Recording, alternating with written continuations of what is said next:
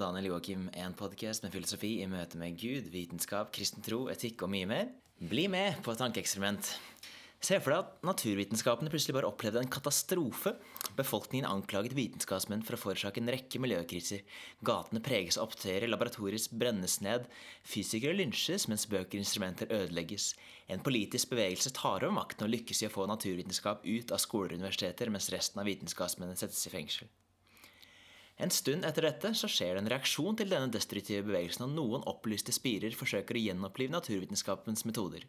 Men de har i stor grad glemt hvordan de var, og alt som gjenstår, er fragmenter. Data fra utførte eksperimenter, men frakoblet fra det teoretiske grunnlaget som ga det betydning i utgangspunktet. Deler av teorier som ikke henger sammen, verken med hverandre eller med eksperimentene de resulterte i redskaper som ingen lenger forstår bruken av, halvbrente kapitler fra bøker, enkeltsider fra artikler, delvis oppspist av tid og hærverk.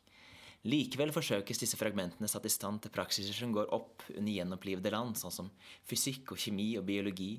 Så voksne mennesker krangler plutselig med realiteten av relativitetsteorien, evolusjon eller flogiston, selv om de sitter med veldig sporadisk kunnskap om alle.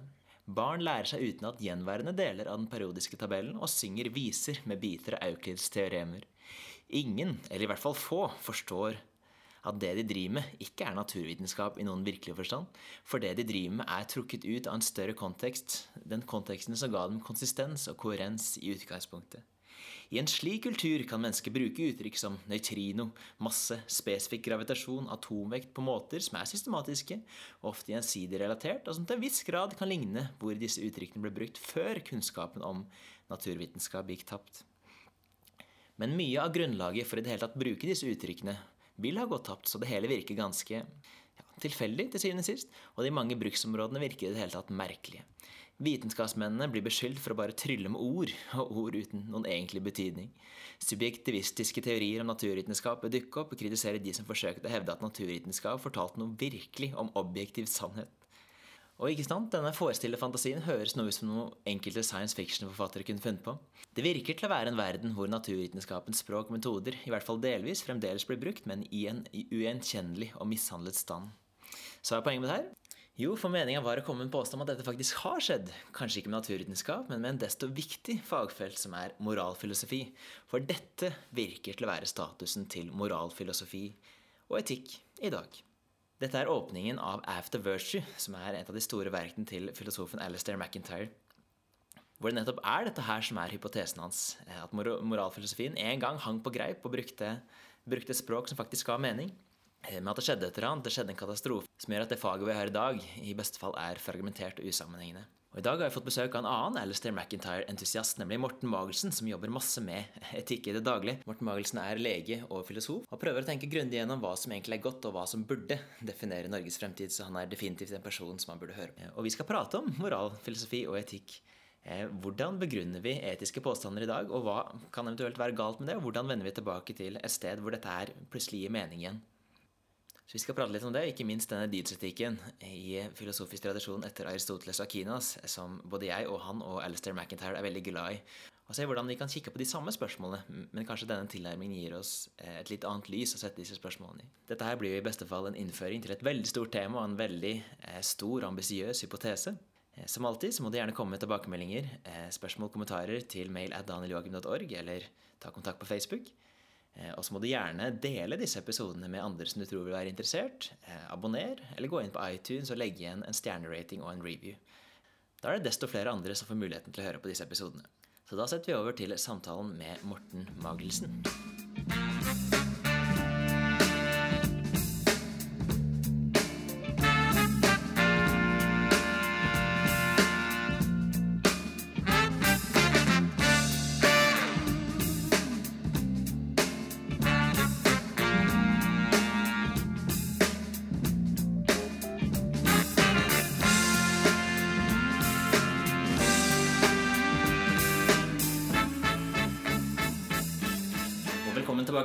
Sitter jeg her med Morten Magelsen.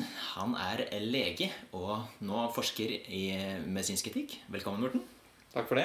Og nå så består jo mye av hverdagen din rett og slett i å tenke og snakke om eh, etikk. om bioetikk og hvor, hvor, samfunnet skal gå videre, og hva slags argumenter som ligger til grunn. Etikk er jo på en måte et ganske vanskelig tema, vil mange tenke. Hvorfor valgte du noe som er så vanskelig? Vi er så mange mennesker som er uenige om ting. Mm. Ja, men det er jo de store spørsmålene som er innen etikken.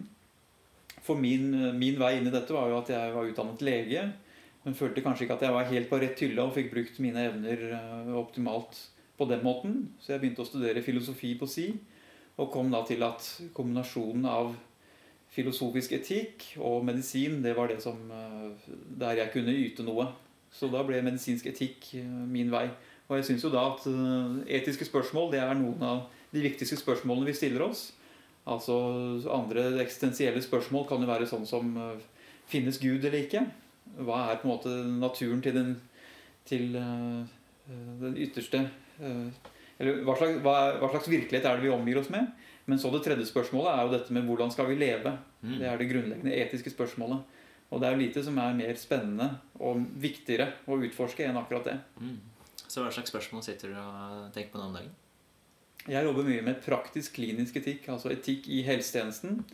Og det kan være ting som prioriteringsetikk. Altså bør vi prioritere Spinraza eh, til de med en fæl nevrologisk sykdom? Eller bør vi eh, prioritere gamle pasienter med behov for rehabilitering? Det er viktige avveininger der. Men det er også spørsmål om eh, når er nok nok i behandling ved livets slutt. Mm. Vi har på en måte medisinske muligheter til å holde folk i live lenger enn det er medisinsk og menneskelig meningsfullt. Så derfor kommer vi inn i noen nye dilemmaer som medisinen gir oss. Hvor skal grensen gå? Så prioritering og etikk ved livets slutt, men også sånne ting som eh, pasientens autonomi, selvbestemmelse, samtykkekompetanse, eh, bruk av tvang, og mer overordnet hvordan kan helsepersonell komme sammen og reflektere om etiske spørsmål på en måte som setter dem i stand til å finne bedre løsninger til beste for pasientene. Mm. Det er eksempler på den praktiske og pasientnære etikken som jeg jobber med. Og med et samfunn som er så raskt i endring, så er det vel ikke noe frykt for at dere blir arbeidsløse med det første? Nei, det er spennende å jobbe i et felt som det er så stor medieoppmerksomhet om. Og som det er eh, lett å få folk til å skjønne at dette er viktig. At noen få særinger bør eh, jobbe fulltid med dette. Eh, og du er kommet hit for å prate om etikk. altså Hvordan er det vi bygger opp, og hvordan er det vi begrunner etikken vår. Og Etikk handler jo om hva som er riktig og galt, hva som er godt og ondt, hva som er bedre og verre. Eh, så du er rett og slett sendt inn her for å fortelle oss hva som er godt eh, ja. og riktig. Eh, Klarer du det på 30, 30, sekunder? Endelig får dine lyttere fasiten på det. Trenger du mer? 30 sekunder? Går det fint? Altså, det er jo, Jeg kan jo selvsagt ikke gi noen fasit, men det er jo, har, har en assosiasjon knyttet til dette. Og det er at mange i vår tid mener jo at etiske spørsmål kun handler om synsing. Det finnes ikke noe rett og galt når man diskuterer etikk. Og da liker jeg å spørre tilbake i litt sånn filosofisk stil. Ja, er det da er det rett eller galt å torturere barn for moro skyld? Og siden svaret gir seg selv, så innser folk da at jo faktisk noen etiske spørsmål har fasitsvar. Ja, for det, det, tror jeg på en måte er det som slår, slår mange. At det, det fins veldig mange fornuftige mennesker der ute. Men mennesker som da er på en måte radikalt uenig i disse etiske spørsmålene. Eh, skal vi være for sånn, eller skal vi være mot sånn, eller skal vi tillate sånn, eller skal vi straffe sånn, eller Eh, eller hva skal vi gjøre? Hva er det som er grunnen til at fornuftige mennesker kan være uenige på den måten? Hmm. Nei, En ting er jo at mange etiske spørsmål reelt er komplekse, og at det er gode grunner som taler for det ene og for, og for det andre. Skal vi ha en aldersgrense i, for hvem som skal få spinraza, og hvem som ikke skal få det, f.eks.? Det fins gode argumenter for, det fins gode argumenter mot. Så gode og ærlige mennesker kan være uenige og ha gode grunner for sitt syn. Men så er det jo en dypere grunn her, som handler om at, eh, at vi kommer fra ulike tradisjoner på en måte inn i etikken. Vi bygger på ulik basis. Og vi bygger på ulike moralfilosofer, eller i hvert fall det er ulike og, og motstridende moralfilosofiske eh, fundamenter som spøker i bakgrunnen her for oss. Så du hører på en måte ofte dette argumentet, eller du, du hører ofte den tankegangen fra noen mennesker at eh, ja, men hvis alle bare hadde vært fornuftige, hvis alle bare hadde vært rasjonelle eh, og begrunnet ting på samme måte som da mm. eh, som jeg gjør altså Det er overraskende ofte de som, selv, de som mener at de selv er veldig fornuftige rasjonelle, som mener at eh, mm. andre hadde ment det samme som dem. Eh, dersom de bare hadde vært det.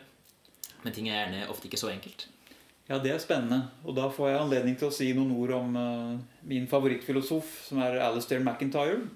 som er vel nå 88 år gammel og utga sitt magnum opus 'Ethics in the Conflicts of Modernity' som 86-åring. Um, og han er opptatt av dette med at uh, det finnes ikke én og bare én rasjonalitet eller fornuft. Det finnes én fornuft som er veldig uttalt i vår tid, og som får veldig stor plass, som er den mer sånn konsekvensetiske fornuften, der du tilsynelatende kan sammenligne gode og dårlige konsekvenser, og så kan du nærmest regne deg fram til hva som er riktig å gjøre. Mm. Og da sier de som følger denne tradisjonen, at uh, at eh, alle må tenke som oss. Se her på våre regnestykker. Dette er rett å gjøre. Alle må bruke pengene sine på uh, malarianett, for det er det som redder flest liv i u-land. Mm. Men så sier McIntyre at det finnes også andre rasjonaliteter her som er eh, konkurrerende, og som ikke uten videre kan avvises. Og da tenker han bl.a. på hele denne naturrettstradisjonen tilbake til Aquinos og Aristoteles, som har en annen måte å tenke om uh, om vårt handlingsliv på. Der det ikke handler om å maksimere gode konsekvenser, men der det handler om å, om å handle på en slik måte at du fremmer de grunnleggende godene i ditt liv, men ikke minst i de fellesskapene du står i. At uh, du skal primært handle slik at du fremmer uh, din families beste, din arbeidsplass sitt beste og ditt lokalsamfunn sitt beste. Og gjennom det så blir du også et bedre menneske. Ja, og dette er litt mer sånn dydsetisk eh, type tankegang. Altså De fleste som tar en slags innføringsfag i eh, etikk eller moralfilosofi i dag, kommer gjerne borti at det er, det er, på en måte tre store eh, tre store man skal lære seg. Det er, det er dydsetikk, det mer klassiske, og så er det pliktetikk, mer relatert til Kant, og så er det da denne konsekvensetikken som du, som du prater om. Og da tenker jeg at det er mye sant i det, men uh, disse studentene får gjerne ikke den forståelsen av at det er en avgrunn mellom disse ulike tradisjonene. Mm.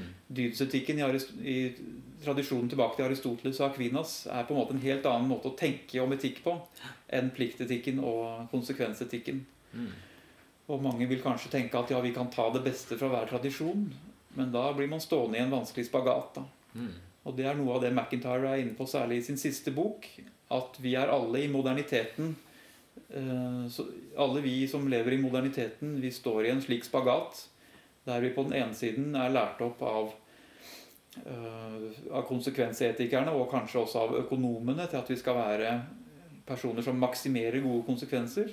Og vi skal søke å tilfredsstille flest mulig av våre egne preferanser. Eh, men så er vi samtidig gjennom de fellesskapene vi står i, f.eks. vår familie, så er vi mer over i den aristoteliske måten å leve livet på, nemlig at her gjelder det å fremme, fremme goder slik at fellesskapet fremmes. Øh, og det kun er sekundært slik at mine egne interesser øh, fremmes. Mm.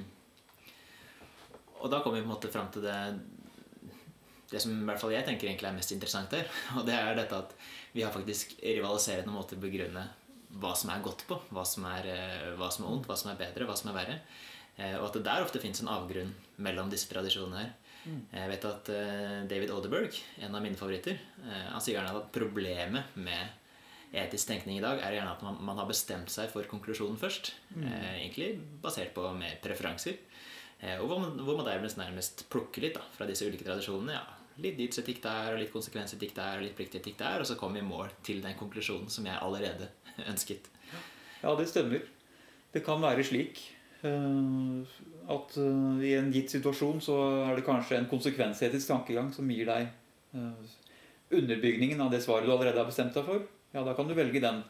Men i neste situasjon så kan du være pliktetiker. Og det er klart, jo mer du kan om disse etiske teoriene, jo større handlingsrom har du også til å plukke og mikse og kunne begrunne tilsynelatende rasjonelt det du allerede intuitivt har bestemt deg for. Mm. Altså, Du skrev jo doktorgraden din i ny naturrettsteori. Hva, mange av de som hører på, lurer sikkert på hva i alle dager er det egentlig? Går det an å oppsummere det kjapt? Ja, altså uh, Gammel naturrettsteori det forbinder man jo særlig med Aquinas og Aristoteles. Men for å gjøre en lang filosofihistorie kort, så falt uh, Aquinas i uh, unåde i moderniteten. Og dette med ny naturrettsteori det er da et forsøk på, fra vår tids filosofer på å kickstarte eh, naturretten på nytt og på en måte gi det, gi det, en basis som ikke er bundet opp mot Aristoteles eh, sin metafysikk og Aristoteles sin biologi.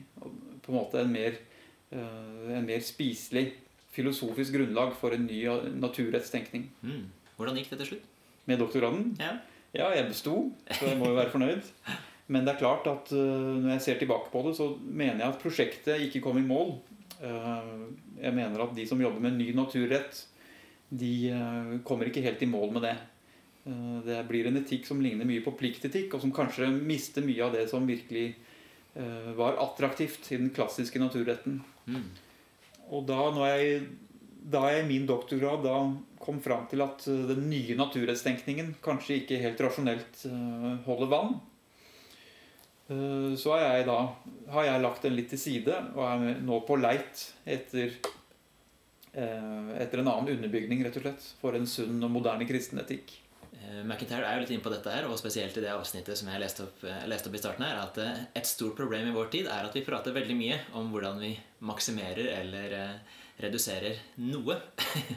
Men jeg er veldig dårlig på å faktisk prate om, om, at noe er godt, noe er ønskelig, og det fins andre ting som er ondt, det fins andre ting som er ikke ønskelig, og hvordan vi velger å begrunne dette her. da. For hvis du, hvis du ser tilbake på menneskehetens historie, så har det jo stort sett vært en lang, lang historie å prøve å besvare spørsmålet hva er godt, hva er ondt? Eh, hva gjør et menneske godt? Hva gjør en handling god? Eh, og vi da har ulike forsøk på å prøve, på, på prøve å begrunne det. Med alt fra Aristoteles til Kant. Men man da kanskje ser at ja, det var ikke så veldig lett. For vi prøver å finne en eller annen størrelse som vi kan knytte fornuften til, som gjør at mennesker kan bli enige. Eh, uavhengig om de da kommer fra ulike tradisjoner, ulike kulturer. Og så virker det som det skjer en slags sånn eh, nesten katastrofe, da. Eh, som gjør at eh, menneskeheten nærmest mister troen på at dette her er mulig i det hele tatt. Som gjør at vi da ser at på starten av 1900-tallet så blir de rådende, rådende etiske teoriene blir sånne ting som emotivisme.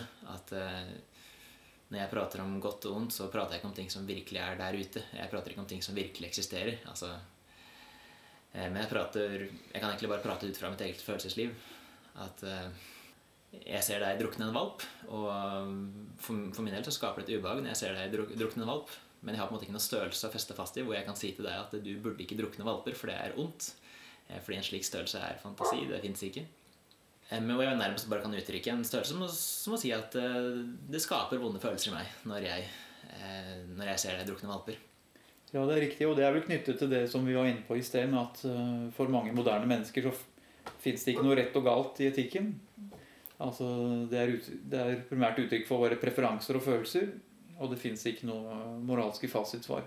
Og man kan vel på en måte si at det er et kjennetegn for vår kultur at man skal være veldig forsiktig. i hvert fall. Uh, for dette med moral det tilhører på en måte den subjektive sfære. At vi, vi, er selv forfattere av hva som er godt og vondt. Så vi kan godt ha om våre egne meninger om våre egne liv, men vi skal være veldig forsiktige med å påføre det uh, med å påføre disse til andre. Hvis det er subjektivt, så fins det ikke noe du kan si som skal gjelde for meg, eller det fins ikke noe jeg kan si som skal gjelde for deg, så vi kan godt ha meningene våre så lenge vi holder de for seg selv. Men det virker som at jeg tror ofte vi underkommuniserer hvor viktig moral er. altså, Moralist er et av de verste skjellsordene du kan bli kalt for. For det, all politikk er jo i en forstand moral. Eh, så er det ikke viktig at vi prater mer om moral? Jo, det syns jeg absolutt man skal gjøre. Men moral er som begrep havnet litt i unåde. Ja. Tenk på Verdikommisjonen Eh, som da var et velvalgt navn på det Bondevik satte ned for uh, ca. 20 år siden. Der ble altså Norge ledet av en teolog. Og hvis en teolog hadde nedsatt en moralkommisjon, så hadde vi fort lignet på Iran. Men verdier er litt mer uforpliktende å snakke om, kanskje. Mm. Men i bunn og grunn er det jo moral det handler om. Altså hva, hva, hva, er det som leder oss i retning av det gode liv? da? Og det å blomstre og lykkes som mennesker og få realisert våre egenskaper det handler om moral. Det syns jeg vi bør snakke mye mer om. Og det er klart at et godt samfunn fungerer ikke uten at eh, enkeltpersonene har dydene og har eh, god dømmekraft og gjør det rette i de valgsituasjonene de står overfor, der de har makt over andre mennesker. Jf. metoo-kampanjen. Metoo-situasjonene eh, avslører jo en veldig mangel på moral, selvsagt. Mm. Mm. Og det er der McIntyre har en helt annen tilnærming til etikken. Da. Og Det er derfor han trenger over 1000 sider også, for å kunne vise uh, hvor annerledes den klassiske etikken fra Aristoteles og Aquinas var. Mm. Og der Et viktig begrep er dette med teleologi, altså tings formålsrettethet. Og der han tar utgangspunkt i at dyr kan fungere på en god måte eller en dårlig måte. Man kan snakke om en, eh, en katt som har tre bein, vil på en måte ha vanskeligheter med å oppfylle sitt, sitt mål, sitt telos. Så vi kan snakke om uh, individer av dyrearter som fungerer på en god eller mindre god måte. Og slik kan vi også snakke om mennesker, mener han. At vi kan ha gode og mindre gode egenskaper. Vi kan ha mennesker som uh, på en måte realiserer dydende egenskapene mot og måtehold og visdom, og da fungerer på sitt beste. Og vi kan ha mennesker som har de korresponderer lastene, slik som feighet og, og havesyke. Uh, og dermed så også bygger uh, Aristoteles og etter hvert McIntyre også, sin da etikk på dette fundamentet ved å si at det er noen uh, egenskaper som er objektivt attråverdige og som er nødvendige ingredienser i det gode liv. Så det er en helt annen og mye mer robust måte å bygge en etikk på uh, enn det å, som er mer moderne, å bygge etikk på, på personers preferanser og personers følelser. Mm. For det virker til syvende og sist at hvis, hvis, vi skal uttrykke oss noe om, om, hva som er godt og ondt, så får det også konsekvenser for hva, hva som er godt og ondt for andre. Men det er gjerne, det er gjerne her, her problemet, problemet, kommer inn. For det, hvis ikke vi på en måte har noen objektiv størrelse å feste denne etikken her til, hvordan i alle dager kan vi da si at noe er godt og ondt for andre? Hvordan kan vi da alle dager komme med normative påstander om hvordan andre mennesker burde oppføre seg? Mm. Ja, det er et stort spørsmål. Og da vil jo McIntyre igjen si at uh, man kan uh, Man bør innrette seg slik at man er med og fremmer uh, utvikling av dydene i menneskene rundt seg. Og at man er med og fremmer the common good, som man kaller det, i eh, de fellesskapene man står i. Og eh, hvis du handler på en slik måte at du fremmer din families vekst og blomstring, at barna dine får en god oppdragelse og vokser opp til å bli gangens mennesker Hvis du fremmer eh, the, common good på jobben din, at arbeidsfellesskapet jobber sammen mot et felles mål og, og blir dyktige i jobben sin og lager det produktet eller utfører den tjenesten de skal gjøre, på en god måte, ja, da har du handlet godt. Det er på en måte det som blir eh, standarden for god handling i det dydsetiske rammeverket. Hva er det som er med og fremmer the common good? Og så er det da spennende nok slik at når du er med og fremmer disse fellesskapenes goder, så er, samtidig så er du med og gjør deg selv til et bedre menneske. Fordi du utvikler stadig eh, dydende og gode karakteregenskaper i deg selv. Mm. Det virker som det moderne prosjektet som begynte i opplysningstiden, er å skape en etikk helt uten Gud. Og det kan synes som om det ikke lykkes så godt. da. Det kan synes som at når man har Gud helt ute av ligningen, så blir det en etikk som er subjektiv. Det handler i beste fall om å hvordan legge til rette for å maksimere personers preferanser for hva de selv ønsker. Mens disse preferansene er det vanskelig å begrunne noe dypere. Og da kommer da den dydsetiske tradisjonen som i prinsippet kan være sekulær, men for McIntyre og Aquinas bl.a. så peker den jo uh, i sum mot Gud og, og en skaper. Uh, men den er sekulær, og den, den, kan altså gis en sekulær formulering. Og den uh, er kanskje det eneste alternativet da, til en sånn moderne etikk, der du til slutt henvises til, å, til det å skulle maksimere gode konsekvenser. Mm. Men da blir vi utfordret på hva, da si, hva er gode konsekvenser? Ja, Da har jo konsekvensetikerne et stort problem. Altså De har jo noe som på papiret ser veldig elegant ut. Du skal alltid handle slik at du maksimerer gode konsekvenser. Og så trenger de da å putte inn i dette systemet en teori om hva som er det gode. Hva er de gode konsekvensene? Mm. Og da kan man jo være preferanseutilitarist og si at det er det å tilfredsstille flest mulig preferanser som er det gode. Eller man kan være hedonist og si at det er glede eller nytelse og fravær av smerte som er det gode. Men det er jo ikke særlig troverdig. Når vi ser på livene våre, så inneholder jo de et sett med ulike goder. Det er uh, selve det å være i live og ha god kroppslig helse. Men det er også ting som vennskap, kunnskap og det å kunne handle godt og riktig. og å kunne gjøre en god jobb dette er et sett med skal vi kalle det, ganske ulike goder. Uh, som er ingredienser i det gode liv. Da. Mm. Så en konsekvensetiker vil fort få et problem ved at han eller hun må ty til en helt uh, usannsynlig teori om hva det gode er. Og det er på en måte alltid stussa med konsekvensetikken er at det virker ganske vilkårlig til slutt. Hvordan selvfølgelig når du, skal, når du skal late som at etikken er noe som lar seg dele opp og putte inn i, putte inn i enheter og, og maksimere mål opp mot hverandre Mm. eh, ikke sant? Dette skal på en måte Man skal bruke matematikk, og så skal du greie å sette Ok, dette, dette gir oss to i pluss, og så gir dette oss én i minus, og derfor så blir det en god ting, for det totalregnestykket blir, blir i pluss. Mm.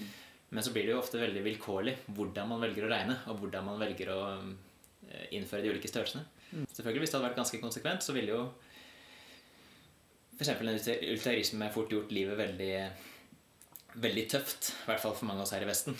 For det Enten om du velger hedonisme eller preferanse til preferanseutilitarisme, så har jo vi i Vesten her det veldig fint. Eh, Og hvis du skal si at du skal maksimere maksimere en eller annen størrelse, så finnes det veldig mange andre mennesker som har det verre enn oss. Så du må på en måte fortsette å velge fra selv. Da. Du må fortsette å ofre selv til, Mm. til man da på en måte er på et slags sånn gjennomsnitt. At eh, det neste ting du gir fra deg, eh, ikke vil bedre noen sitt liv. Og på en måte først da kan du egentlig være fornøyd. Men allikevel så virker det som at det er veldig mange utilitarister som gir seg ganske lenge før det. Ja. Og jeg tror konsekvensetikken har fått en vanskelig arv der fra opplysningstiden og 1800-tallet, der man tenkte at etikk er som, eh, er som vitenskapene i bunn og grunn. Den har bare hatt litt problemer med å få sitt grunnlag på plass. Og når vi først har funnet grunnprinsippene, så er etikken også en vitenskap på linje med de andre vitenskapene. Og ergo disse utregningene og denne pseudovitenskapeligheten som eh, konsekvensetikken viser fram. Men siden etikken jo faktisk ikke er så rett fram og så matematisk, så får de som prøver å praktisere konsekvensetikk i dag, de får eh, en vanskelig spagat. da. Der de ikke kan eh, Der systemet deres egentlig ikke lar seg anvende. Mm. Jeg drev og diskuterte etikk med en annen person en gang som mente at konsekvensetikk var det eneste systemet som ikke lot seg utnytte av onde ledere. Eh, til motsetning da, fra i hvert fall tradisjonell religiøs etikk eller til og med pliktetikk. Men selvfølgelig, hvis du, en, hvis du er en leder og greier å overbevise folk om at de må gjøre grusomme handlinger fordi det fins et eller annet godt outcome på andre siden, eh, så er det selvfølgelig egentlig konsekvensetikk jeg ville benyttet meg av. Mm. Og er det ikke et problem at fordi i en faktisk konsekvensstikk så kan det jo ikke eksistere en sånn som rettigheter eller menneskeverd eller disse tingene her, fordi disse tingene her påstår å være ufravikelige, noe som prinsipper som ligger til grunn uansett. Mm. Mens i konsekvensstikken så vil det vel alltid være grunner vi kan kunne gi for å si at ja, men regnestykket blir Regnestykket går i pluss, i hvert fall om vi, i hvert fall vi går fram dette her. Ja, tenk f.eks. på den kinesiske presidenten som prøver å bli eh, enehersker. Nå på livstid, eh, ser det ut til. Og han kan jo utmerket forsøke å rettferdiggjøre sitt prosjekt ved en, en appell til konsekvenser. Hvis jeg får bli enehersker og får gjennomført mitt program, så får vi det, de best, best tenkelige konsekvenser. For da får vi strømlinjeformet samfunnet og lagt til rette for verdiskapning. Mens rettigheter som ytringsfrihet bare kommer i veien for eh, realiseringen av eh, økt materiell levestandard. Så det ligger altså veldig mye kraft her i definisjonsmakt. Hvem som har definisjonsmakt, hvem som, har de, hvem som bestemmer de rette størrelsene vi skal sitte og regne på. Ja, Hva er det vi skal maksimere i det konsekvensetiske regnestykket? Mm. Det er avgjørende. Jeg husker jeg satt på ungdomsskolen så tenkte jeg at konsekvensetikk var jo fantastisk, for nå, nå- nå ting seg regne på, og det må være veldig, veldig rasjonelt. Eh, ofte så er det ganske sånn default metode på hvordan vi prater om dette her i offentligheten i Norge og i Vesten i dag også. Men jeg tror det er veldig få som går i hvert fall og tenker veldig grundig over hvor problematisk det er, da, hvor vilkårlige disse størrelsene her er til syvende og sist. Mm. Og vi har jo for eksempel et jeg synes, veldig godt eksempel. Eh, Morgenbladet har jo startet med en ny sånn spalte som de kaller for logikksjekk, hvor de skal gå gjennom politikernes argumenter og sjekke om er de holdbare eller er de ikke. Kan de peke mot, noe, mot en god måte å utvikle samfunnet vårt på eller ikke. Men så kom det i helga en veldig fin kronikk av David Vikstøl, hvor han sa at dette er litt mer problematisk enn det folk tror. Eh, Hvordan var det seg? Ja, hvem skal logikksjekke logikksjekkerne? var hans flotte overskrift. ja. Og der han egentlig viser til eh, noe som ligner på McIntyres poeng om at det finnes konkurrerende, rasjonaliteter. Og at hvis eh, de som gir seg ut for å være objektive logikksjekkere, legger til grunn en mer sånn konsekvensetisk eh, rasjonalitet, så utelukker de f.eks. mer konservative og tradisjonelle argumenter her da i eggdonasjonsdebatten. Dette at vi ofte tar nesten konsekvensetikk for gitt. da, At dette er den tradisjonelle måten å prate med etikk på. Mm. Når vi prater i vår, vår debatt, når vi prater om politikk, når vi prater eh, Ja, hvordan skal eh, samfunnet vårt utvikles videre? Og at kanskje de fleste av oss ikke er klar over hvor, Ja, hvor vilkårlige disse størrelsene er, og hvor, hvor lette de er å misbruke. ja, jeg er enig i det. Og McIntyre her, som tidligere marxist, han har jo da et spark til dere økonomer, som han mener har en sånn, eh, en sånn tanke om mennesket som rasjonell aktør, da, som alltid prøver å maksimere eh, gode konsekvenser for seg selv. At det ligger en link der mellom økonomiens eh, teoretiske menneskesyn og konsekvensetikken, som da via eh, konsumentsamfunnet lærer oss opp i å tenke at vi skal maksimere gode konsekvenser for oss selv, eller vi skal, eh, vi skal gjøre oss selv lykkelige ved å kjøpe det vi har lyst på. Og sånn får vi hjulene i samfunnsmaskineriet til å gå rundt. Men det er ikke slik, sier McIntyre. Vi bygger gode samfunn der mennesker utvikler dydene og lærer å sette egne behov litt til side for å fremme fellesskapets beste. Så man kan vel kanskje si at mens pliktetikk og konsekvensetikk fokuserer mer på handlingen, at eh, hvis du bare har prinsippene klare, så fins det på en måte en eh, kokkeoppskrift, en eh, ferdig oppskrift som du kan bruke i enhver handling, som gjør at du kan, du kan velge riktig, du kan velge godt. Mens dysetikken kanskje fokuserer litt mer på mennesket. Ja, det er helt definitivt riktig. Eh, Dydsetikeren peker på at det gode mennesket har, eh, har dydene, har de karakteregenskapene som disponerer oss til å gjøre det rette i, i en vanskelig valgsituasjon. Og ikke bare gjøre det rette, men å gjøre det lette med en slags, eh, en slags letthet, uten at man har en indre motstand man må overvinne. Mm. Så en person kan jo gjøre det modige i en gitt situasjon, men hvis det krever en voldsom sånn indre overvinnelse, så har man ikke egentlig dyden mot. Men hvis man derimot gjør det modige eh, med letthet, ja, da er man modig. For da har man utviklet den egenskapen at man, at man eh, trekkes mot å gjøre det som er modig. Mm. Og da blir det plutselig veldig spennende, for da skjønner man kanskje at moral blir litt mer som, som idrettstrening. At eh, du kan ikke løpe raskt på 100-meteren, eller du kan ikke ligge på sofaen hver eneste dag og forvente at eh, når det bare gjelder, så skal du virkelig løpe raskt på, på 100-meteren. Mm. men at for å løpe raskt, eller på samme måte, og handle godt, det krever faktisk trening, det krever faktisk regelmessighet. Det krever faktisk at vi legger opp hverdagene våre på en måte som gjør at ting blir enklere for oss. Det er riktig. Og derfor er dydsetikerne også veldig opptatt av familien som det primære stedet der eh, unge mennesker eh, blir trent i dydene, rett og slett. Du utvikler dydene ved å øve på å gjøre det rette, og gradvis så kommer det med større letthet. Så familien og skolen er veldig viktig for, eh, for dydsetikerne. Og kanskje er det sånn at det er lettere å bli konsekvensetiker så lenge man er eh, ung og barnløs, men når man selv stifter familie, så ser man, eh, ser man visdommen i den gamle tradisjonen som handler om å bygge karakter. Så kanskje det spørsmålet vi alltid vender tilbake, som alle samfunn alltid vender tilbake, er hva er det gode? Hva er det vi fester vår lit til? Hva er det vi fester vår framtid til? Hvordan går vi fram når vi stiller oss selv det spørsmålet, tror du? Ja, en, det- en, ting, en, ting lett, en ting er at det er lett å si at vi, skal, vi er mennesker som skal utvikle dydene som gjør det lett for oss å gjøre det gode. Men så er det et annet, annet spørsmål, vil andre si. Ja, men hva i alle dager er dette gode som vi skal utvikle mennesker til å gjøre? Mm. Ja, og det er klart, eh, hva er det gode? Når du stiller spørsmålet på den måten, blir det jo veldig abstrakt da, Mm. og vanskelig å vite hvor man skal begynne. Men derfor er det vel smart å begynne med å granske sitt eget liv. Altså hvilke sammenhenger er det jeg står i? Hvem er det jeg har ansvar for? Eh, Og hvem er det jeg har makt til å, til å, til å hjelpe, på en måte? Hvor er det jeg kan spille en rolle?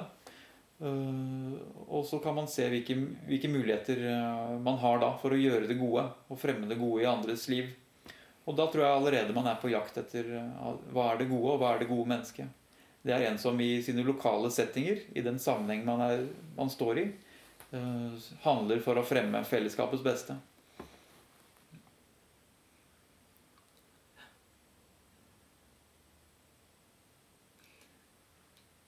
Og det, og det er spennende. Jeg en av, de, en av de bøkene som gjør at naturrettstenkning kan komme tilbake til eh, med stor slagkraft i vestlig tradisjon, og forut for eh, til og med Alistair McIntyre, var jo Philippa Foot.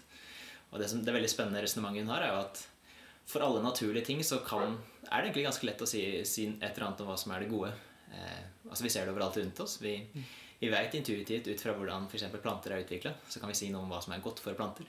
Vi vet at det er bedre for de å stå i, stå i sollys og få rent vann enn å få whisky og stå i kjelleren. Og på samme måte så ser vi at eh, dyr eh, på den måten som de er utvikla, omhyggelig fra millioner av år med evolusjon eh, At det er noen ting som gjør at de, de blir en best mulig utgave av seg selv. Mm. Men så er på en måte spørsmålet for det virker som at Hvorfor skal vi tro at mennesket da er noe annerledes? Er ikke vi også en type skapning som er utvikla gjennom akkurat den samme type prosessen her?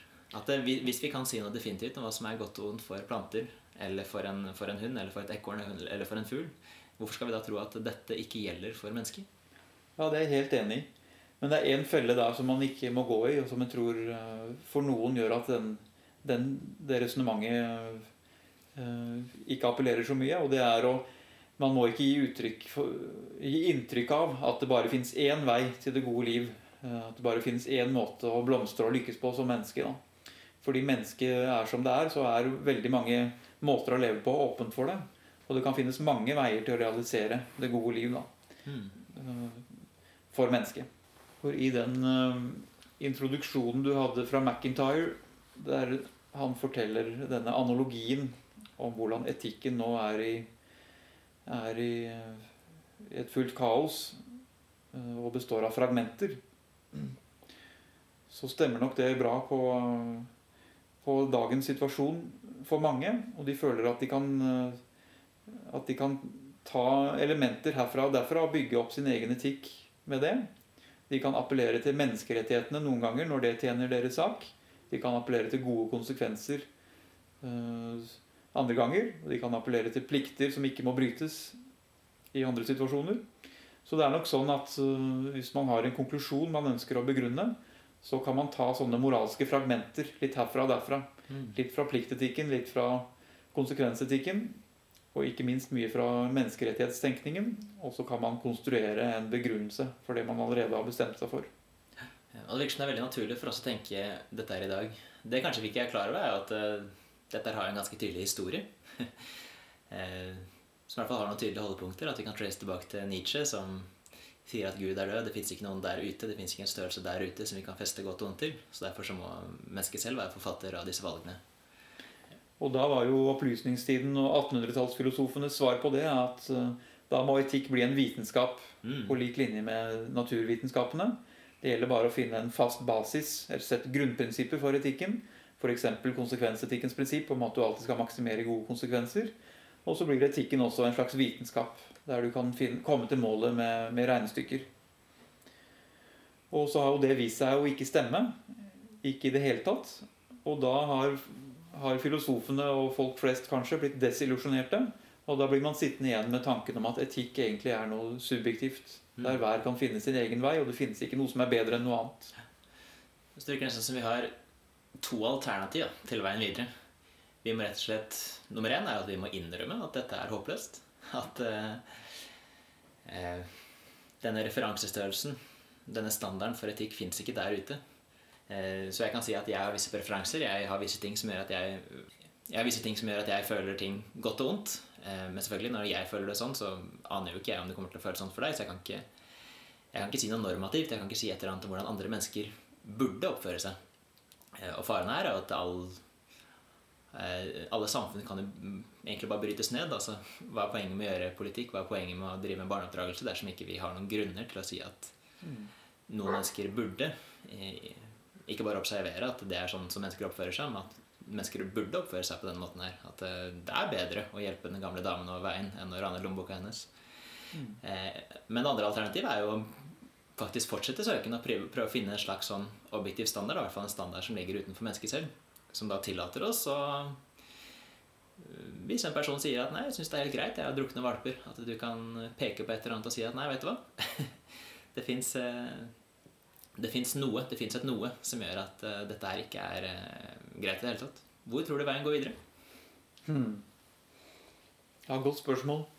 Moralfilosofene de fortsetter i hvert fall på mange av dem da, på den veien eh, der de allerede er. Nemlig at de prøver å bare raffinere sine versjoner av pliktetikk, konsekvensetikk eller kontraktetikk. Sånn at de, nå skal endelig min versjon være den første som kan møte alle innvendinger som er kommet. Men ifølge McIntyre så er det i fugleperspektiv et håpløst prosjekt. Nå har man hatt 200 år på seg med det, men ennå ikke kommet i nærheten av en etikk som kan, kan begrunnes fullkomment rasjonelt. Mm. Og man kommer heller ikke til å lykkes eh, med det fremover. Så McIntyres eget alternativ, som jeg har veldig sans for, er jo å bygge etikken i en tanke om hva det er som eh, gir eh, bærekraftige og gode samfunn, gode fellesskap og hva det vil si å lykkes og blomstre for eh, det menneskelige individet. Og da kan du sammenligne ulike samfunn, og så kan du si at dette, denne måten å leve på er faktisk bedre enn den andre, fordi den, å, den første er med og fremmer menneskelig vekst og gode samfunn. Mm. Så det er et forsøk på å begrunne en etikk objektivt. da. Da kan du på en måte si at denne referansestandarden for etikken er, den ligger i naturen, den ligger i hvordan vi er utvikla i seg selv, og hvordan vi lever i samfunn? Det er riktig. Så sånn sett er jo dette en begrunnelse ut fra hva mennesket er som art, og hva det vil si å leve som menneske i verden. Så på den måten er jo denne dydsetikken en slags sekulær etikk. Men så er det sånn for McIntyre og mange andre som jobber i den tradisjonen, at, at de ser på en måte at den peker henimot. At uh, det står noen bak og har, uh, og har en tanke om uh, hvordan menneskelivet skal leves. Rett og slett en skaper. Mm. For så klart, Hvis du skal begynne å innrømme at det fins noen, noen, retning til naturen, det fins en slags sånn verdi som ligger latent i naturen, så blir det veldig vanskelig å fortsatt begrunne ja, men hvorfor skal det være gyldig for hvordan vi lever våre liv, dersom ikke man tenker at det ligger noen slags type autoritet bak. da.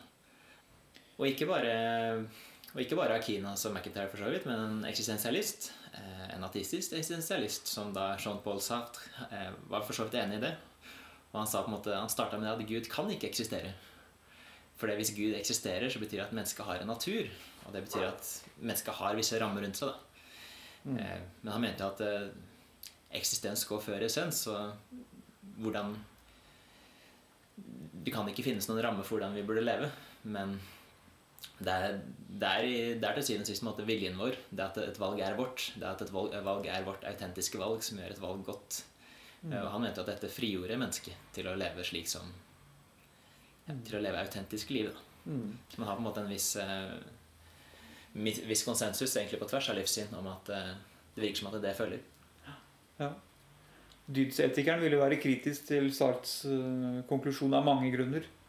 Men ikke minst dette med at hvis vi selv skal velge hva som er viktig for oss, hvor blir det da altså en plass for dette med moralsk utdanning og moralsk oppdragelse av unge mennesker? Hvis det er sånn at enhver preferanse er like bra som en annen preferanse, hvorfor er det da viktig å oppdra unge mennesker til å, til å like gode bøker, eh, god kunst, og til å heve seg opp, på en måte, til, til eh, å få dydene og bli noe mer enn de er fra naturens side. Så det, dette med moralsk utdannelse er det og dette med på en måte kultivering av våre drifter og våre preferanser er det vanskelig å finne en begrunnelse for utenfor det dydsetiske rammeverket. Så Derfor opplever jeg at det er en veldig realistisk tale om mennesket, det dydsetikerne og McIntyre eh, kommer med. Mm. Mens konsekvensetikken og ikke minst pliktetikken ofte abstraherer fra de konkrete sammenhengene der vi lever livene våre, og ser på en måte som den handlende som nærmest en sånn uh, person uten egenskaper. Det kunne vært hvem som helst og han, I pliktetikken plikter han å ikke lyve, han plikter å ikke stjele osv. Og i konsekvensetikken plikter han å maksimere gode konsekvenser. Men i dydsetikken så får han lov til å være den han er. Og det blir tatt hensyn til de, til de egenskapene han er, har, og de sammenhengene han står i, de relasjonene han står i til andre mennesker. Og de er med på detaljplan og styrer hvilke plikter han har, og hva han bør gjøre. Hvordan han bør leve livet sitt. Men under forutsetning at det fins en natur, og at den naturen er iladd med verdi og har en slags retning. Ja, og der er det jo et sånt narrativ blant moderne filosofer om at, om at det med menneskelig natur og menneskelig formålsrettethet er blitt diskreditert en gang for alle i og med Descartes og de andre moderne filosofene. Mm. Så det kreves et stort arbeid hvis man skal rehabilitere en sånn tanke om en menneskenatur. da. Ja, så Det som gjerne ofte blir sitert, er f.eks. David Hume, som sier at du kan ikke utlede et bare fra et er. Du kan observere at naturen er innretta på en spesiell måte. F.eks. at uh, mennesket er et flokkdyr og hjelper hverandre. Men bare fordi vi er utvikla på den måten, bare fordi vi observerer at sånn er det, så kan vi ikke si at sånn burde det være. At mennesker burde fortsette å hjelpe hverandre på akkurat denne måten. Hvordan svarer vi Hume? Ja, Naturrettstenkeren vil jo benekte det, at det alltid er uh, ugyldig å slutte fra er til bør. F.eks. kan man si at uh, om at du er en, en uh, kaptein på et skip. Mm. Det er en er-påstand. Følger det noe normativt, noe bør av det? Ja, det følger det. At, at, du bør følge de plikter du har som kaptein på det skipet. Altså at det, det finnes en del utsagn som er er-utsagn, altså utsagn om verden, som har en normativitet, en handlingsrettethet innebygd i seg. Så Derfor er det ikke nødvendigvis så enkelt som at man aldri kan slutte fra er til bør. Så gjenstår bare den lille oppgaven med å overbevise mennesker om det. Ja. La oss gå ut i verden og spre det glade budskap. Eh, helt til slutt, for det, dette blir jo fort på en måte veldig tunge, abstrakte tanker, og vi prater om historie, vi prater om eh, høytflyvende ideer. Eh, men det du jobber med, er jo ofte veldig konkret. Det er jo ofte praktisk politikk som har konsekvenser for hvordan virkelig nordmenn lever livene sine. Hvordan, hvordan bruker du dette her i arbeidshverdagen din? Hmm. Ja, godt spørsmål. Jeg tror ikke jeg bruker så mye av dette i arbeidshverdagen. Men uh, det er klart folk, nordmenn som kan si at de er uh, relativister, som ikke tror på rett og galt og absolutte uh, etiske fasitsvar, sånn generelt, mm. de, ofte, de har ofte en annen innstilling i praksis når det kommer til konkrete spørsmål. Når det handler om hvordan vi bør ivareta pasientens selvbestemmelse ved livets slutt. da så er folk helt med på å, å, drøfte det og skjønner at det kan finnes gode og mindre gode løsninger i mm. konkrete, vanskelige dilemmaer. Så den relativismen den uh, vitrer bort da, når man kommer til uh, konkrete problemer som trenger en løsning her og nå. Da er folk helt med på at det finnes gode argumenter som man kan anføre for det ene og det andre. Mm. Så jeg opplever ikke det som uh, noe utfordring i, i den praktiske helseetikken. Og en av de mest spennende menneskearten jeg vet om, er jo såkalte misjonerende relativister. Ja. For det, relativister er veldig flinke til å mene at uh, det fins ikke noe godt og vondt der ute. Altså Alt er relativt til den personen som opplever den personen som ser. Men det er veldig godt å fremme dette synet. Ja, ikke sant? Uh, men dette synet i seg selv er jo ikke relativt. Det er absolutt for mm. alle. Da tror jeg vi runder av der for nå. Det har vært en glede å prate med deg, Morten Magelsen. Takk for at jeg fikk komme. Og lykke til videre.